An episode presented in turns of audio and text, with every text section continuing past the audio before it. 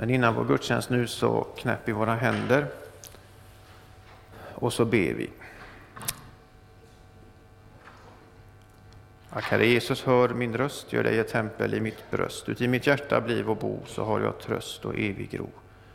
Nu tackar vi dig Herre att vi får möjligheten att komma samman och möta dig i ditt heliga tempel.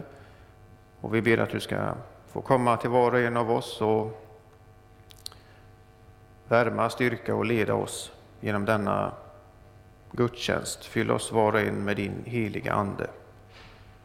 Så ber vi för Sveinung och alla som är hemma nu på grund av sjukdom.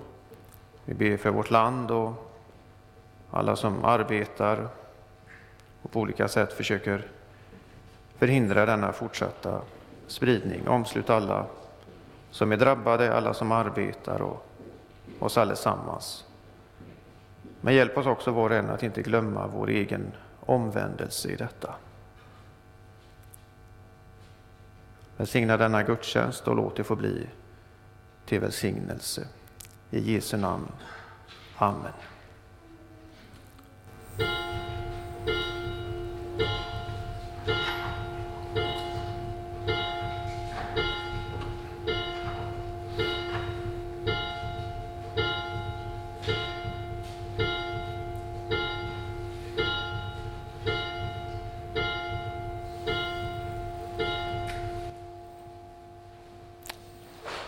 Börjar vi med att sjunga psalm 322.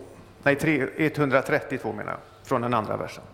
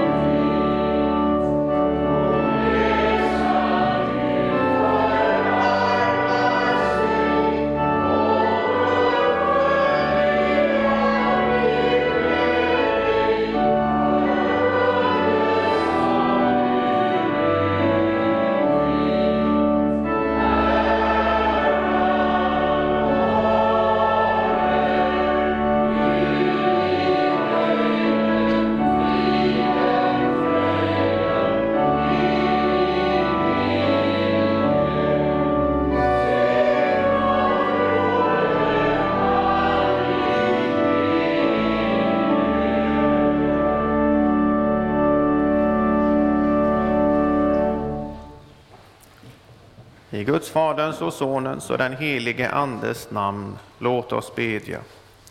Rena, o Gud, våra hjärtan och samveten, så att din Son, när han kommer till oss, må i våra hjärtan finna en beredd boning genom samme din Son, Jesus Kristus, vår Herre.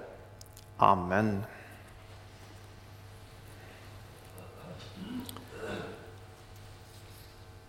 Gud är ande och de som tillber honom måste tillbe i ande och sanning. Det är från Johannes fjärde kapitel. Och dessa ord från dagens evangelium är en av kärnverserna för läran om att Gud är ande. Alla som vill vara kristna och tillbe Gud måste därför tillbe Gud som en ande. Och det är inte Eh, att eh, förlita sig på kött, på skapade varelser. För alla gudar är inte ande. För alla gudar som inte är det är ju avgudar. Herren varnar oss mot detta. Och eh, Jesaja han säger, ve dem som drar iväg ner till Egypten för att få hjälp. De förlitar sig på hästar och förtröstar på vagnar därför att det är många, och på ryttare, därför att mängden är stor. De vänder inte sin blick till Israels helige och frågar inte efter Herren. Men också han är vis och låter olyckan komma. Han tar inte tillbaka sina ord. Han reser sig upp mot det ondas hus och eh, mot hjälp från ogärningsmän. Ty egyptierna är människor och inte Gud. Deras hästar är kött och inte ande. Juda folk varnas här för att sätta sin förtröstan till kött istället för till Gud. Att förtrösta på dem som man ser mäktiga och stora ut. Men hur är det då med oss? I Hebreerbrevet läser vi Tron är ju en övertygelse om det man hoppas, en visshet om det man inte ser. Om vi därför hör om eh, krig, rykten om krig, till exempel ser att Ryssland samlar trupper utanför gränsen mot Ukraina, förtröstar vi då på USA och Nato att dessa tillsammans är starkare än Ryssland? Eller förtröstar vi på honom som eh, osynligt styr historiens gång? Eller när vår fiende går eh, till attack mot oss, sätter vi då vår tillit till honom som segrade över djävulen själv? Eller är det andra människor vi åkallar, ber om hjälp och hoppas på räddning ifrån? Eller när vi tänker på covid-smittan och andra epidemier, ligger då vårt hopp i vetenskapens Eh, vetenskapsmännens händer i vaccin och restriktioner som ska hindra oss från att bli smittat? Eller förtröstar vi på honom som eh, är Herren, vår läkare? Och så här kunde vi fortsätta och ta flera exempel. Herren säger till Juda att även om de ingått förbund med Egypten så är det inte deras hästar, vagnar och ryttare som är deras hjälp. Mängden av krigs, krigsmän är inte avgörande.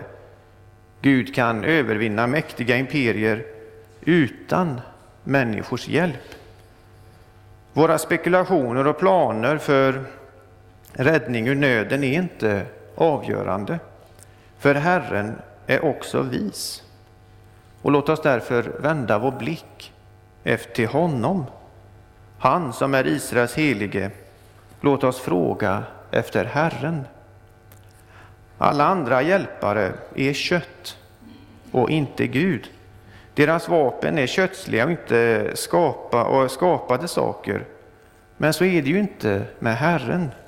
Han är ande och han är oskapad. Han låter den som förtröstar på kött förgås. För så går det för den som inte söker hans, eh, sin hjälp hos den allsmäktige han som måste tillbes i ande och sanning. Han som sände sin enfödde son, född av evighet till jorden, för att vara vår räddning, som själv är ande, men som tog på sig kött och blev vår lika. Han som räcker ut sin hand till vår hjälp och nödgar oss att komma till honom.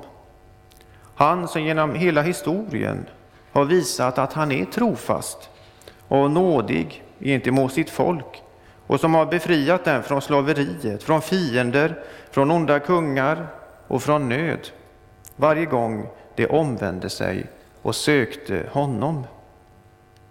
Han fortsätter att vara vår hjälpare i nöden och han fortsätter att erbjuda och skänka frukterna av den försoning som han vann för oss på Golgata. Han fortsätter att kalla syndare som fruktar för sina fiender, för döden, för syndens lockelser, för ondskans ande här i himlarymderna. Han kallar oss alla att komma till sig. Låt oss därför lägga av allt det som drar vår förtröstan bort från Herren och bedja om hans förlåtelse för all vår otro. För när han förlåter ger han oss också det levande vattnet som släcker törsten, som väller fram och blir oss till evigt liv, som vi nu ska höra senare i predikan. Och han säger lite senare hos Jesaja i det 55 kapitlet. Hör alla, hör på alla ni som törstar. Kom hit till vattnet. Ni som inte har pengar, kom hit och köp säd och ät. Ja, kom hit och köp säd utan pengar och eh, för intet både vin och mjölk. Varför ger ni ut pengar för det som inte är bröd, era inkomster för det som inte kan mätta? Hör på mig, så ska ni få äta gott och njuta av utsökt mat. Böj ert öra hit och kom till mig. Hör, så får er själ leva.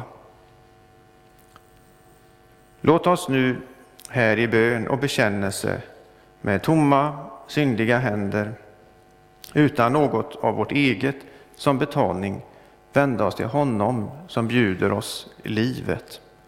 Och låt oss vänta oss all hjälp och förlåtelse, liv och salighet av honom genom att höra förlåtelsens ord.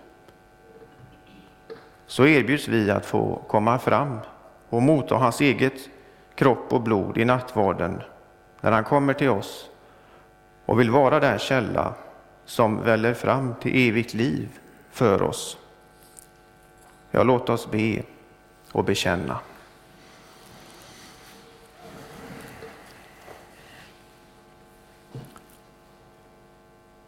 Gud, var mig nådig i din godhet. Tag bort mina synder i din stora barmhärtighet. Det är mot dig jag har syndat och gjort det som är ont i dina ögon. Vänd bort ditt ansikte från mina synder och befria mig från min skuld.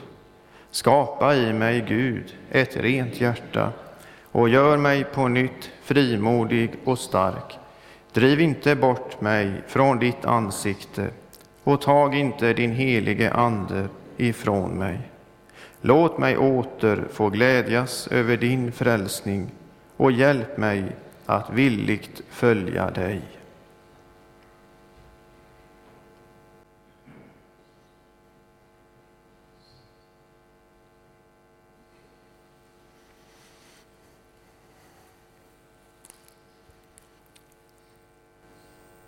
Begär du dina synders förlåtelse för Jesu Kristi skull, så är du i kraft av Guds ord och löfte fast och visst att Gud av nåd förlåter dig alla synder.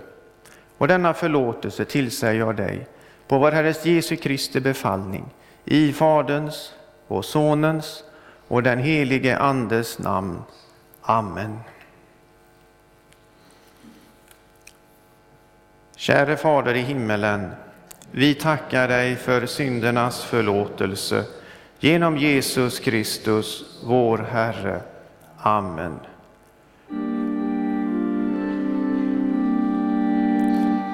Helige Herre Gud, helige starke Gud, helige barmhärtige frälsare, du evige Gud, förbarma dig över oss.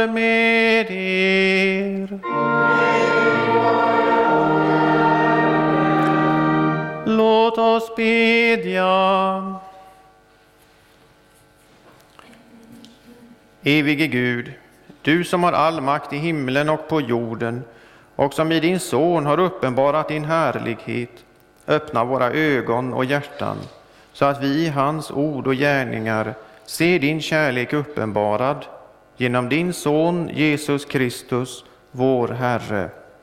Amen. Vi ska nu lyssna till Herrens ord ifrån profeten Jeremias 17 kapitel i den andra årgångens läsningar. En härlighetens tron, en urgammal höjd, är vår helgedomsplats. Herren är Israels hopp. Alla som överger dig kommer på skam. Det som avfaller från mig liknar en skrift i sanden. Det har övergivit Herren, källan med det levande vattnet. Hela mig, Herre, så blir jag helad. Fräls mig, så blir jag frälst, ty du är min lovsång. Och dagens epistel, den är från Uppenbarelsebokens sista kapitel.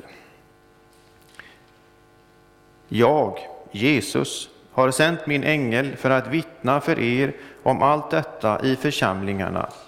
Jag är Davids rotskott och hans ättling, den klara morgonstjärnan. Och anden och bruden säger kom, och den som hör det må säga kom, och den som törstar må komma, ja, den som vill må ta emot livets vatten för intet. Så lyder Herrens ord. Gud, vi tackar dig. Så fortsätter vi med att sjunga psalm 276.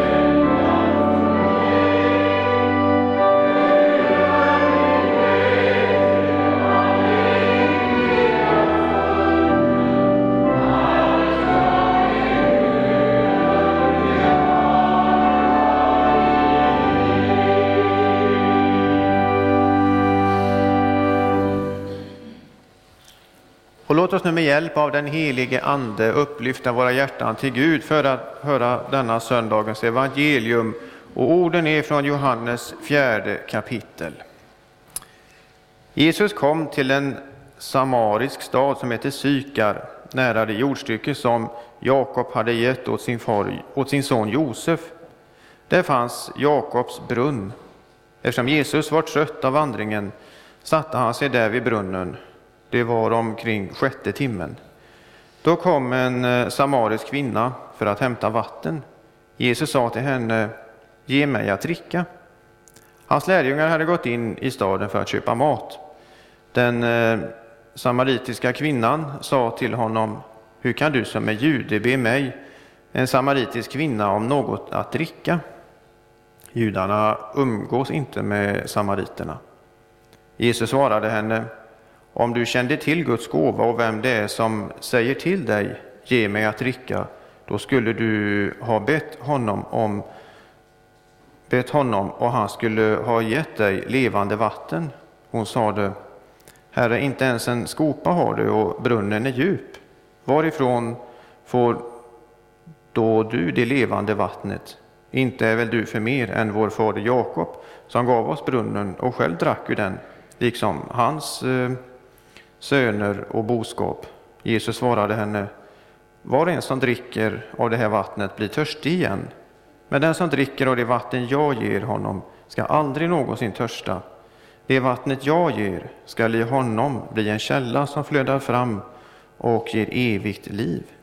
Kvinnan sade till honom, Herre, ge mig det vattnet så att jag inte blir törstig igen, så att jag inte blir törstig och behöver gå hit och hämta vatten. Han sade, Gå och hämta din man och kom hit. Kvinnan svarade, jag har ingen man. Jesus sade, du har rätt när du säger att du inte har någon man. Fem män har du haft och den du har nu är inte din man. Det du säger är sant. Kvinnan sade, Herre, jag märker att du är en profet. Våra fäder har tillbett på detta berg och ni säger att den plats där man ska tillbe finns i Jerusalem. Jesus svarade, Tro mig, kvinna, den tid kommer då det varken eh, är på detta berg eller i Jerusalem som ni ska tillbe Fadern. Ni tillber vad ni inte känner, vi tillber vad vi känner, eftersom frälsningen kommer från judarna. Men den tid kommer, ja, den är redan här, då sanna tillbedjare ska tillbe Fadern i ande och sanning. Ty sådana tillbedjare vill Fadern ha. Gud är ande, och de som tillber honom måste tillbe i ande och sanning. Kvinnan sade till honom, jag vet att Messias ska komma, han som kallas Kristus. När han kommer ska han förkunna allt för oss. Jesus svarade henne, det är jag, den som talar med dig. Så lyder det heliga evangeliet. Lovad vare du, Kristus. Och låt oss nu bekänna vår kristna tro. Vi tror på Gud Fader allsmäktig, himmelens och jordens skapare. Vi tror och på Jesus Kristus, hans enfödde Son, vår Herre, vilken är avlad av den helige Ande, född av jungfru Maria, pinad under Pontius Pilatus, korsfäst, död och begraven, nederstigen till dödsriket, på tredje dagen uppstånden igen ifrån de döda, uppstigen till himmelen, sittande på allsmäktig Gud Faders högra sida, därifrån igenkommande till att döma levande och döda. Vi tror och på den helige Ande, en helig allmännelig kyrka, de heligas samfund, syndernas förlåtelse, de dödas uppståndelse och ett evigt liv. Och medan barnen går till söndagsskolan så sjunger vi psalm 350 från den fjärde versen.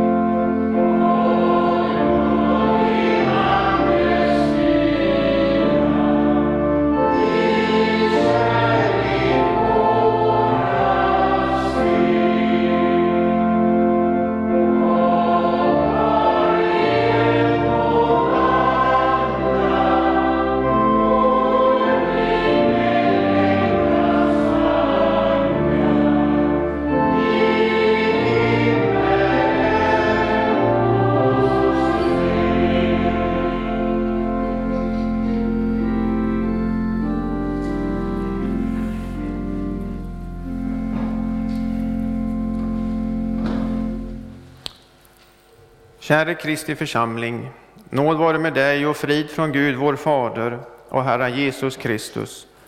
Amen. Låt oss bedja. O Fader vår, barmhärtig god, som oss till dig vill kalla och stänka oss med Kristi blod som rena kan oss alla. Låt komma, Gud, till oss ditt ord, det heliga och klara. Låt det i mörkret på vår jord en, ledsa, en ledare oss vara att vi ej vilse fara. Om detta ber vi i Jesu namn. Amen.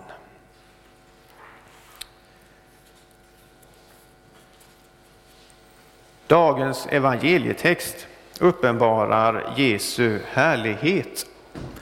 Och detta sker genom hans ord, för det är så Herren uppenbarar sin härlighet. Hans botande av sjuka, utdrivandet av onda andar och andra kraftgärningar är allihopa tecken som pekar på Jesu härlighet. Men han som är ordet, kommen i kött, måste uppenbara den genom ord, och det sker idag. Och versen innan vår text säger att det var nödvändigt att Jesus på väg till Galileen reste genom Samarien Jesus behövde uppenbara sin härlighet för detta folk som eh, inte umgicks, som de, de umgicks inte med varandra sedan återbygg, återuppbyggandet av templet. Och så är det med evangeliet. Jesu vittnen ska bära med sig Jesus till Jerusalem och till hela Judeen och Samarien, ända till jordens yttersta gräns. Och detta är nödvändigt även för Jesus. Såsom en förebild på detta eh, var det nödvändigt att lägga sin resa eh, om Samarien. Och nu ska vi idag höra om denna resa under tre delar. För det första om Jesus vid brunnen som en bild på kyrkan. Och för det andra om Guds gåva, livets vatten. Och för det tredje om det nya livet som väller fram. Och vi börjar med Jesus vid brunnen som en bild på kyrkan. Jesus, eh, som för den eh, samariska kvinnan uppenbarar sin härlighet, sitt eh, gudomliga namn och sin enhet med Fadern. Det var han som var trött och törstig efter vandringen. Gudsmannen Jesus var sliten och törstig såsom en helt vanlig människa och satte sig vid Jakobs brunn på dygnets varmaste tid, då ingen gick upp för att dra upp vatten. Bara de som ville undvika andra människor, sådana som ingen vill umgås med eller ha att göra med. Bara sådana kom vid den sjätte timmen när solen stekte som mest. Och detta är en fin bild på kyrkan som just är platsen där syndare samlas. Det som erkänner att de eh, ingen ursäkt har för sin synd, som alla har gjort illa och plågas av lagens anklagelser. Sådana som tycker sig vara värre än alla andra och inte har något eh, eget som de kan visa fram. Ja, de som har fått förlåtelse fem gånger men som även den sjätte gången sliter med samma synd, vilket bud det än rör sig om. Och i Jakob 2.10 står, ty den som håller hela lagen men bryter mot ett enda bud är skyldig till allt. Sådana människor som inser sin skuld försöker att hitta någonstans att släcka sin törst efter ett rent samvete. Och många likt kvinnan, gör tunga och mödosamma saker för att få dem att eh, slita och svettas. Allt för att inte behöva ångra sin synd och omvända sig. Ja, sådana gärningar är otaliga. Många gör de mest ansträngande gärningar, kanske kopplat till någon god sak. Andra fastar eller lever astetiskt. Och många gör sådant just för att de tror att just det ska lugna deras onda samvete. De undviker dem som de har syndat emot, som de känner och vet vad de har gjort, och sedan går de i ensamhet ut i solens heta strålar och plågar sig själv med egenpåhittade gärningar. Men så som för den samariska kvinnan hjälper inte sådana gärningar. Man får fortsätta dag efter dag med slit och möda, för synden finns kvar och man blir törstig igen. Inget förhållande blir helad genom att undvika bönen och förlåtelse. Så är det även med Gud. Därför är det en så fin bild på kyrkan när Jesus Kristus, han som själv bär Guds heliga namn, sitter där. Han behövde komma dit och vänta vid brunnen just vid denna tid, det utstöttas tid. För han är prövad i allt och har lidit det vi alla förtjänade att lida. Han behövde som kvinnan gå till denna slitets förgård med syndanöd, svett och möda. Han behövde törsta och slita under solens värsta eh, hetta i ensamhet. Allt för att kvinnan, allt för att gå in i kvinnans och andras lott och utstå det som hon och vi alla var skyldiga till eh, eh för vår synd. Och han finns här i kyrkan för att möta det, liksom eh, kvinnan lever med syndens plåga och ånger. Han vill få tala till oss, att han kan uppenbara sin härlighet också för oss. Och du som därför för femte gången, ja sjätte, har fallit i samma synd. Jesus Kristus, Guds infödde son, som är frälsaren och försonaren, han som inte endast förlåter sju gånger utan sju, 70 gånger sju.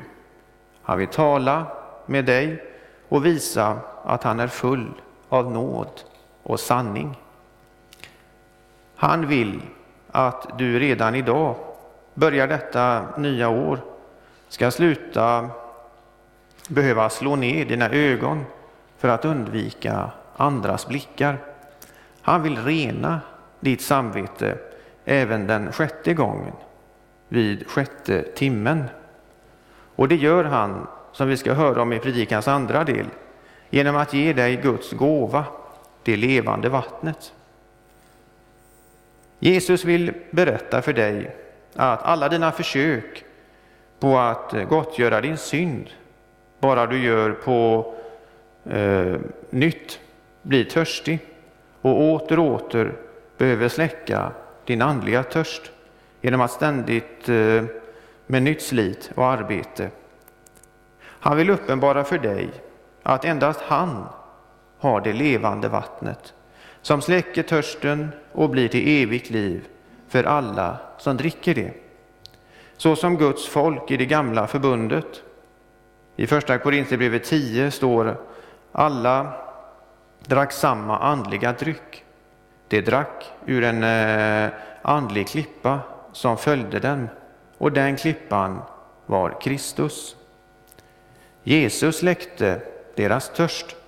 Han, släcker, han släckte den samaritiska kvinnans törst och han sitter idag vid källan i kyrkan för att också släcka din törst. Kvinnan och vårt allas problem är, som Gud säger i Jeremia, mitt folk har övergivit mig, källan med det levande vattnet, och gjort sig usla brunnar som inte håller vatten. Men han som är källan, han ropar ut i Johannes 7, om någon törstar, så kom till mig och drick. Den som tror på mig, ur hans innersta ska strömmar av levande vatten flyta fram, som skriften säger. Detta sade han om anden, som de skulle få som trodde på honom. Detta förklarar Jesu ord om att Johannes 4, eh, vers 23, den tid kommer, ja den är redan här, då sanna tillbedjare ska tillbe Fadern i ande och sanning. Denna tid var ännu inte här, därför att Jesus ännu inte hade dött och uppstått och blivit förhärligad. Men samtidigt, eftersom Jesus själv var här, var han också Eh, vid denna tid här. Och Jesus söker, såsom Fadern, ännu idag att alla ska komma och dricka genom att tro på honom. Han vill eh, byta ok med dig, för han har redan burit ditt ok, det som eh, driver dig med fruktan för helvetet. Han vill lyfta bort din börda, som är svettens och hettans börda. Sedan vill han ge dig sitt eget ok, som är milt, och sin egen börda, som är lätt. Och han, som, eh, och han kallar på alla som vill att eh, komma till honom och dricka det levande vattnet. För han har gått in i vår kår. Han har eh, gråtit med de gråtande och lidit med de lidande. Han har törst, äh, tröstat med det tröstade och frestats med alla våra olika frestelser för att eh, i vår förlust kunna skänka oss seger, för han var utan synd. Han stod fast i, alla, i frestelsen och gjorde under hela sitt liv det vi alla var kallade att göra. Han älskade sina fiender och bad för dem som förföljde honom. Han gav när man tog ifrån honom och sökte upp eh, samarier dessa som alla judar föraktade och höll sig undan för, därför att han för deras skull var varit föraktad. Allt gjorde han för att försona och gottgöra de synder som fläckar som fadern, eh, faderns vrede annars hade behövt förtära med brinnande eld. Vi kanske inte har levt i hor som kvinnan, men vi har alla haft någon avgud i våra liv. Detta som profeterna i Gamla testamentet just kallar för att driva hor. Allt detta har Jesus försonat och gottgjort för oss alla, så som han prövades i allt som vi, utan synd, så led han också straffet som våra synder förtjänade. Ja, han saknade allt och fick ge själva livet för att vi skulle slippa. Och allt detta skänker han oss genom sitt livs vatten. Kvinnan trodde att hon, eh, kvinnan trodde att om hon rörde vid Jesus, då skulle hon bli oren.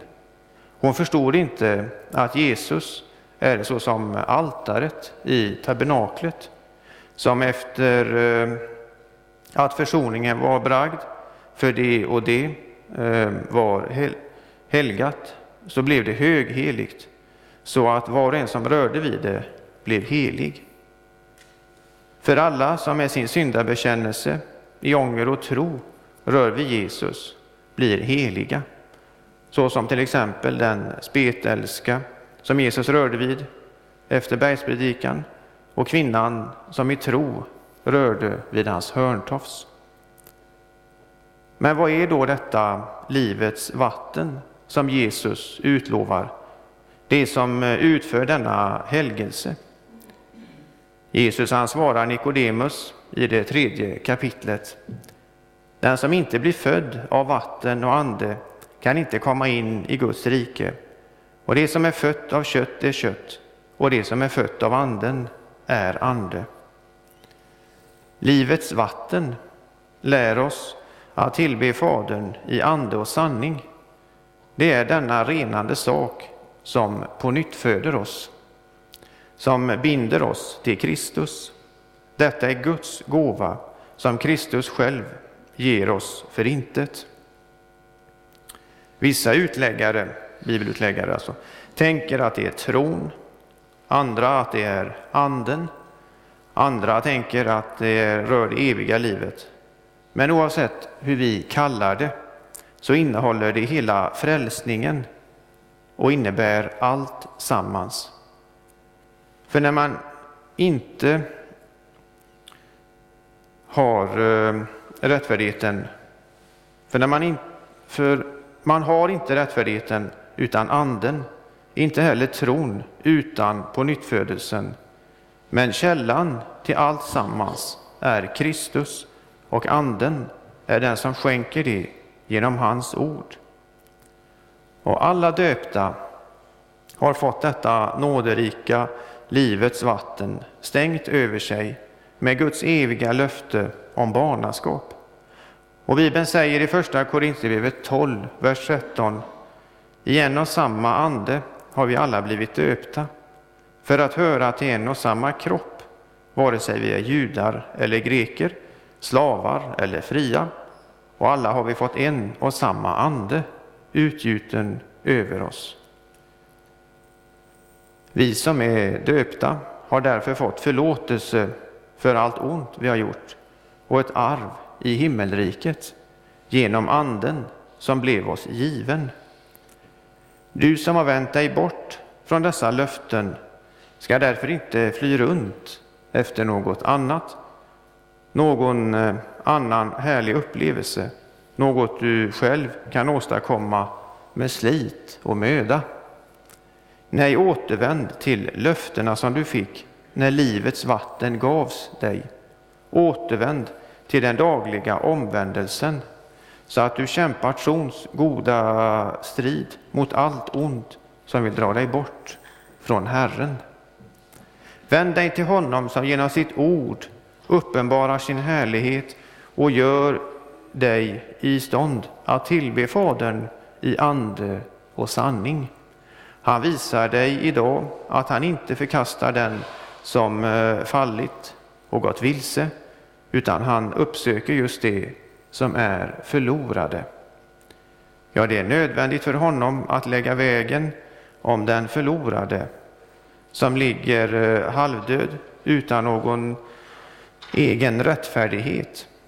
Han, eh, honom lyfter vår Herre upp på sitt riddjur och för till värdshuset, kyrkan, där han med sitt ord och sina sakrament förbinder och renar hans sår och låter sitt eh, levande vatten välla fram och flöda över i honom till ett evigt liv.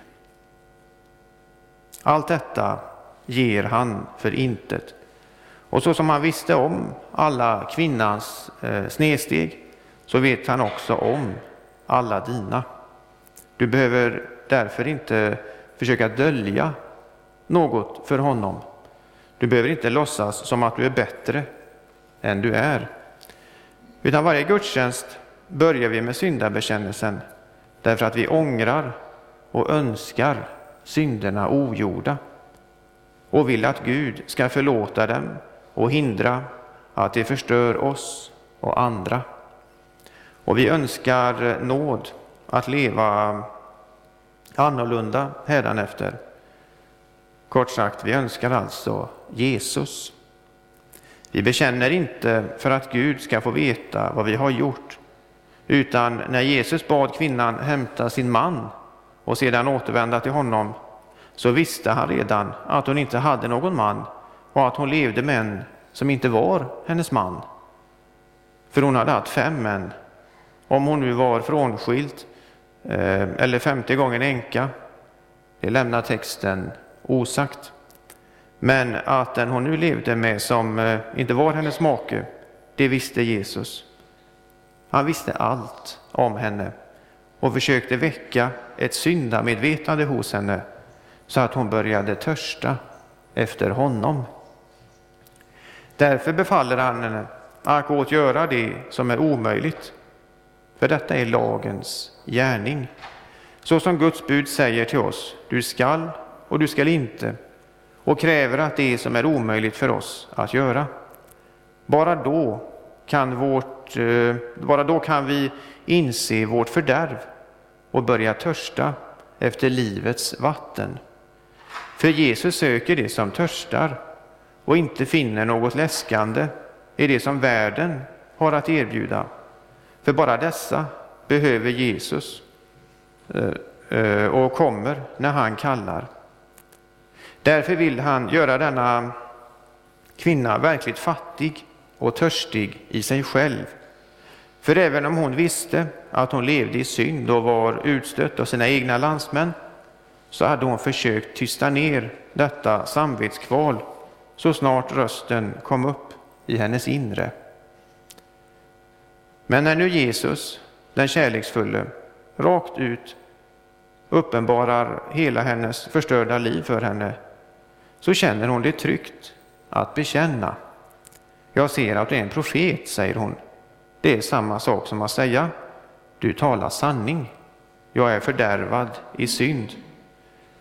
Och även om syndabekännelsen inte är fullständig så är den ärlig. Hon försöker inte vitmåla eller dölja synden, utan hjärtat bakom hennes ord erkänner allt. Och så ska det vara när man möter Jesus. För ofta försöker vi människor dölja den inre anklagande rösten. Men när vi får lära känna Jesus blir det plötsligt tryggt att bekänna. För vi förstår då att han söker gemenskap med oss, även om vi vet allt eh, ont vi har gjort. Och när vi då bekänner vår synd till honom och mottar förlåtelsen får vi livets vatten. Och det nya livet börjar välla fram, som blir den eh, sista delen, som den sista delen ska handla om. Efter mötet med Jesus slutar kvinnan leva sitt eh, otuktiga liv. För hon har mött frälsaren och fått förlåtelse. Och eh, förlåten synd är inte längre någon börda som tynger och sliter oss. Nej, förlåtelsen gör oss fria. Och det ser vi efter dagens evangelium. Kvinnan är fri. Fruktan för domen har lämnat henne och på vägen bort från Jesus erkänner hon tydligt inför alla och berättar vad Jesus har gjort. För när synden är förlåten tappar den sin makt att driva oss ut i ensamhet och eh, eller ensamhetens heta möda. Då driver den oss istället till vår nästa i ett nytt leverne. Nu har Jesus blivit det stora för kvinnan och även om hennes självsnickrade teologi raserades så håller hon fast vid honom.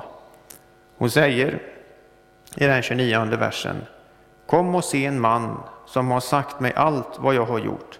Han kanske är Messias. Ja, han som är den han är, han är full av nåd och sanning.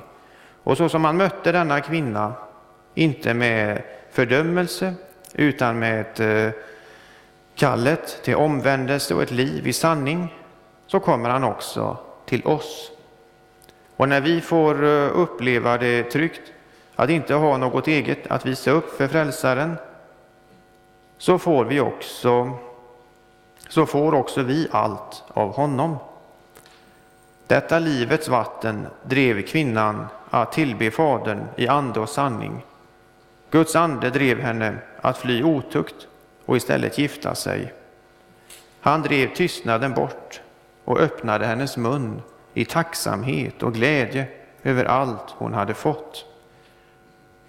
Och Bibeln säger i Romarbrevet 8, vers 14 alla som drivs av Guds ande är Guds söner, för vi har inte fått slaveriets ande så att vi på nytt skulle leva i fruktan, när vi har fått barnaskapets ande i vilken vi ropar Abba, Fader. Ett sant kristet vittnesbörd handlar därför om vad vi har fått, inte vad vi har gjort. För det kristna vittnesbördet erkänner att bara Gud kan frälsa mig. Som den gamla testamentliga texten sa, från det vi läste förut. Hela mig, Herre, så blir jag helad. Fräls mig, så blir jag frälst. Ty du är min lovsång. Medan lagen alltjämt, eh, alltid jämför, räknar och berömmer sig, så är evangeliet och gåvan alltid större och alltid talar om det som har getts oss. Därför är Herren vår lovsång. Kvinnan hade ju fortfarande gjort allt det som drev henne i ensamhet ut till den heta brunnen mitt på dagen. Men när Jesus lyfte bort denna börda och tog den på sig själv så kunde hon med, lättnad, med lättat hjärta löpa och tjäna Herren i ord och gärning, i ande och sanning. Och detsamma gör Herren med alla som söker honom. Han talar med oss och uppenbarar sig själv för oss. Han visar att vi är mycket värre än vi tror och sen lyfter han bort våra synder och låter oss gå fria och tjäna honom i våra medmänniskor, i våra föräldrar, barn, på vår arbetsplats, i vår församling, vart vi än går, så tjänar vi honom i ande och sanning. Tar man bort anden så finns bara en yttre religiositet med riter, liturgi och ordningar. Tar man bort sanningen så, kastar man, eh, så kastas man ut i en tillbedjan av lögnen och då blir ju det en styggelse. Men när vi tillber i ande och sanning, då kommer källan, Gud själv, att låta anden förnyas i oss hela vägen hem till det nya Jerusalem, där floden med livets vatten, klar som kristall, går ut från Guds och Lammets tron mitt på stadens gata. Och I Uppenbarelsebokens sista kapitel och den sjuttonde versen står det Anden och bruden säger kom, och den som hör det må säga kom, och den som törstar må komma, ja, den som vill må, eh, må ta emot livets vatten för intet. Det give oss Gud. Amen. Lovad vare Gud och välsignad i evighet, som med sitt ord tröstar, lär, förmanar och varnar oss.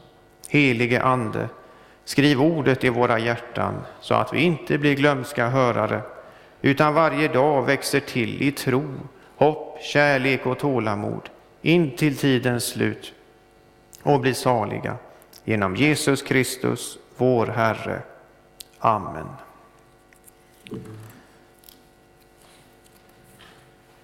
Och innan vi sjunger psalm eh, 347 så säger vi till sist Må hoppets Gud uppfylla er med all glädje och frid i tron så att ni överflödar i hoppet genom den helige Andes kraft.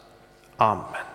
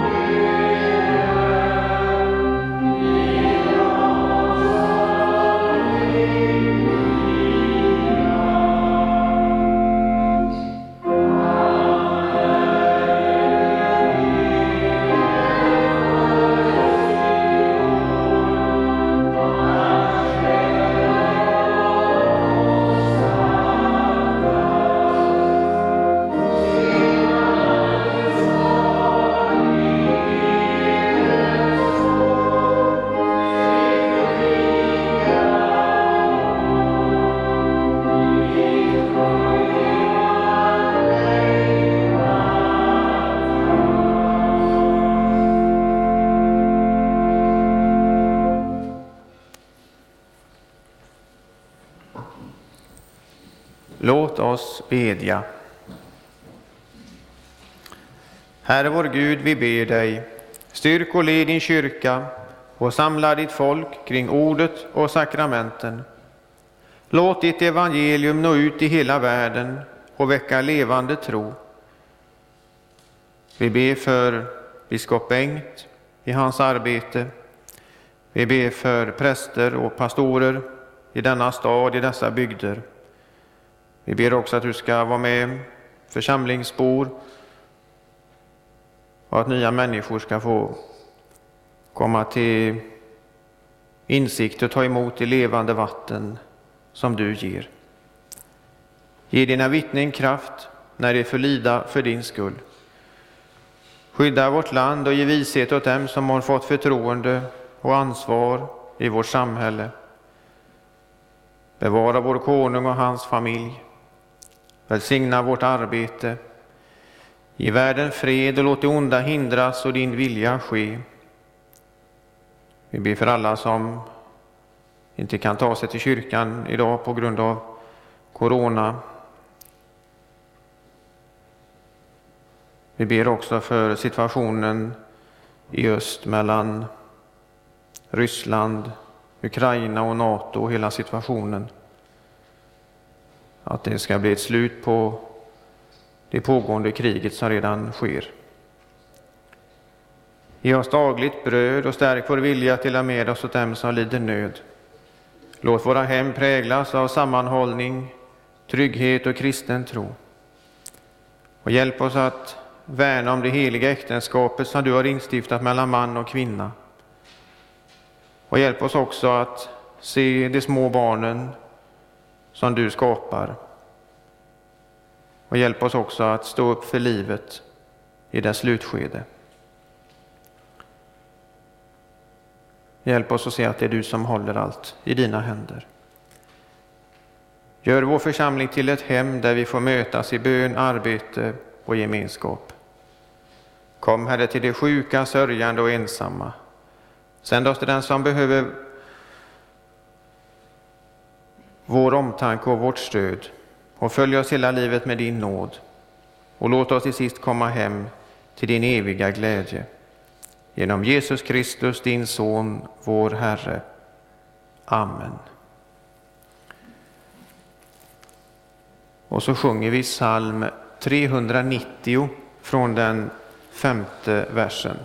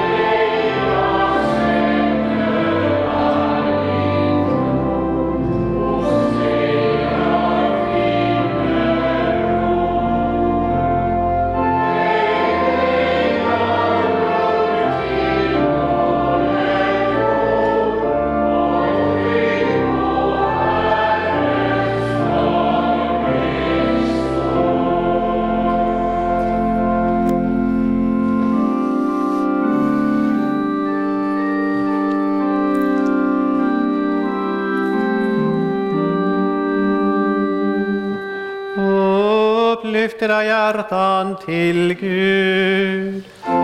Vi upplyfter våra hjärtan. Låt oss tacka Gud vår Herre. Dina han är värd tack och lov. Ja, sannerligen du ensam är. Allsmäktige Fader, helige Gud, dig vill vi prisa och välsigna genom Jesus Kristus, vår Herre. Ty så älskade du världen att du lät din son bli människa för vår skull. I honom är vi ditt folk, frälsta från mörkret till ditt underbara ljus. Därför vill vi med dina trogna i alla tider och med hela den himmelska härskaran prisa ditt namn och tillbedjande sjunga.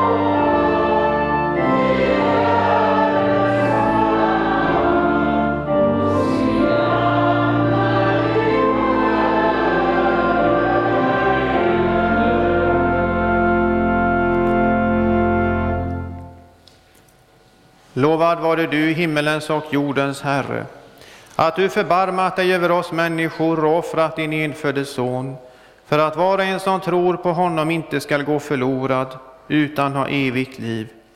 Vi tackar dig för den frälsning du berättat oss genom Jesus Kristus. Sänd din Ande i våra hjärtan, så att han hos oss tänder en levande tro och förbereder oss att rätt fira vår frälsares åminnelse och tar emot honom då han kommer till oss i sin heliga nattvard. Vår Herre Jesus Kristus, i den natt då han blev förrådd, tog han ett bröd, tackade, bröt det och gav åt lärjungarna och sade, tag och ät. Detta är min kropp som blir utgiven för er. Gör detta till min åminnelse. Likaså tog han kalken, tackade och gav åt lärjungarna och sade, drick av den alla. Denna kalk är det nya förbundet genom mitt blod som blir utgjutet för många till syndernas förlåtelse. Så ofta ni dricker av den, gör det till min åminnelse.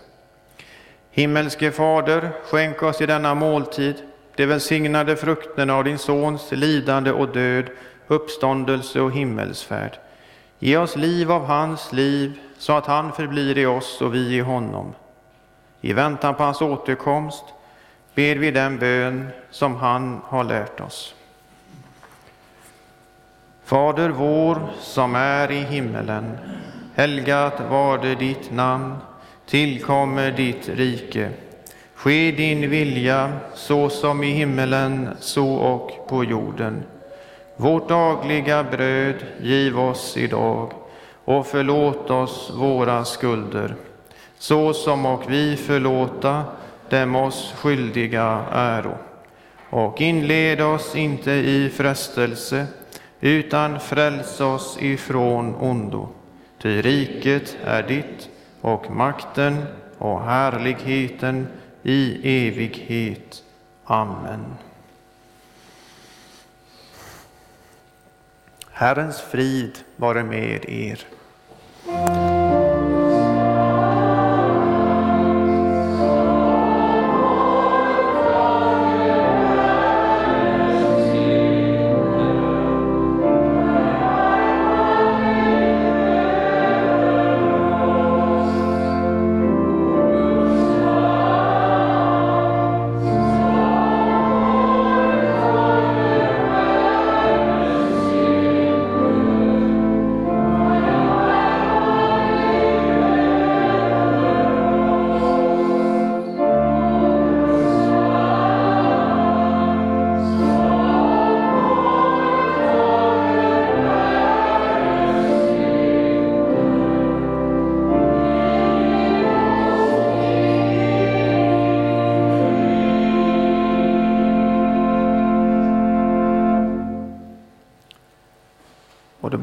Intention, så jag doppar och ger.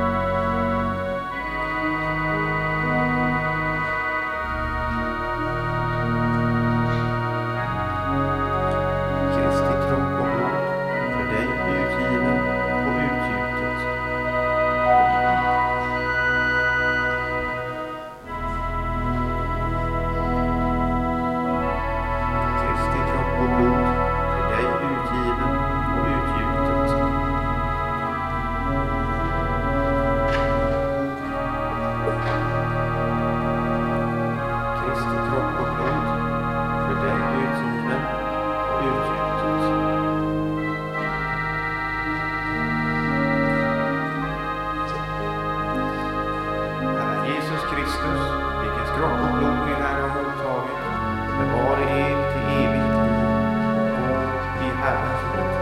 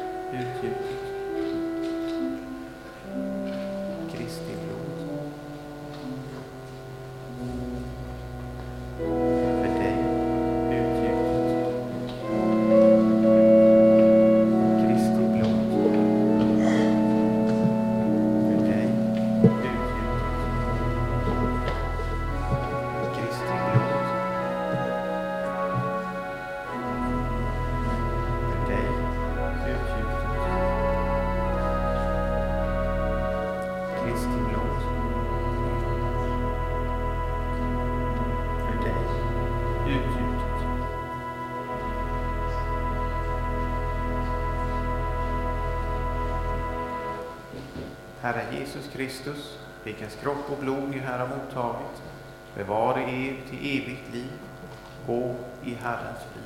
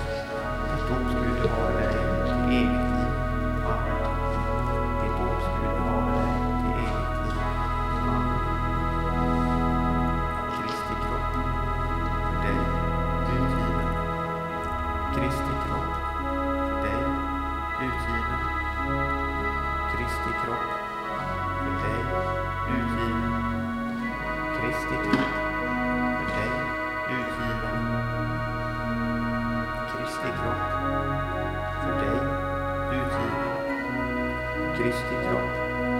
För dig utgiven.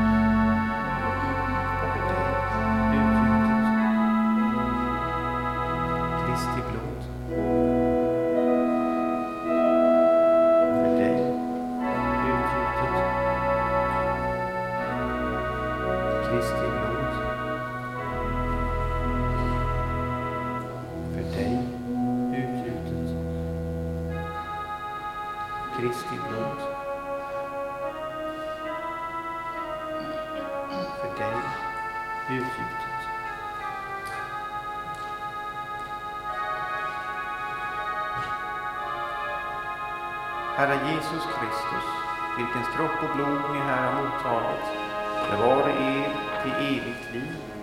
Gå i Herrens frid.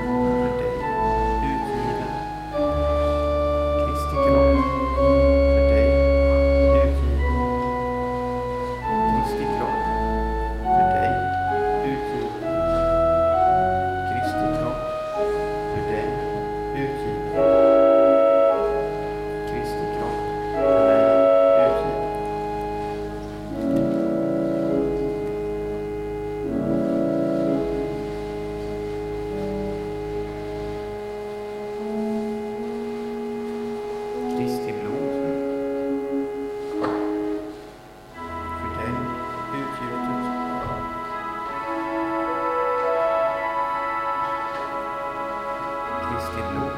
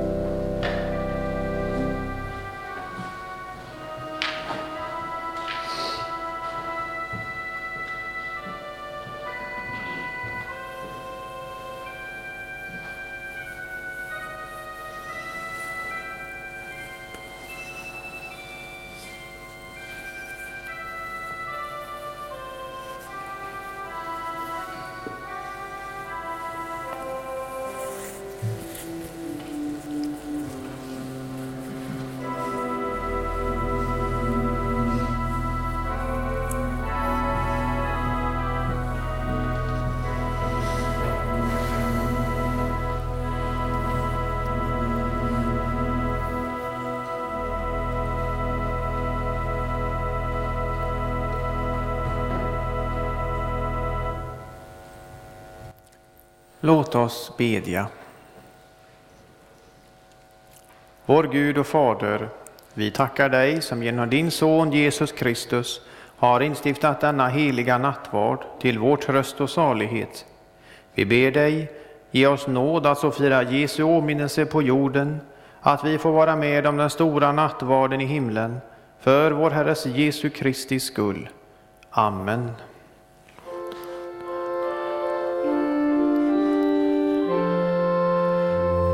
Låt oss tacka och lova Herren.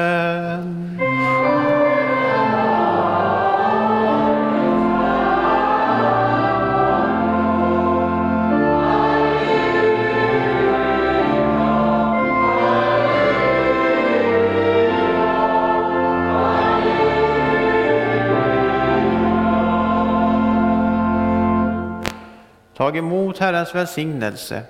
Herren välsigne er och bevare er. Herren låter sitt ansikte lysa över er och vara er nådig. Herren vände sitt ansikte till er och give er frid. I Faderns och Sonens och den helige Andes namn.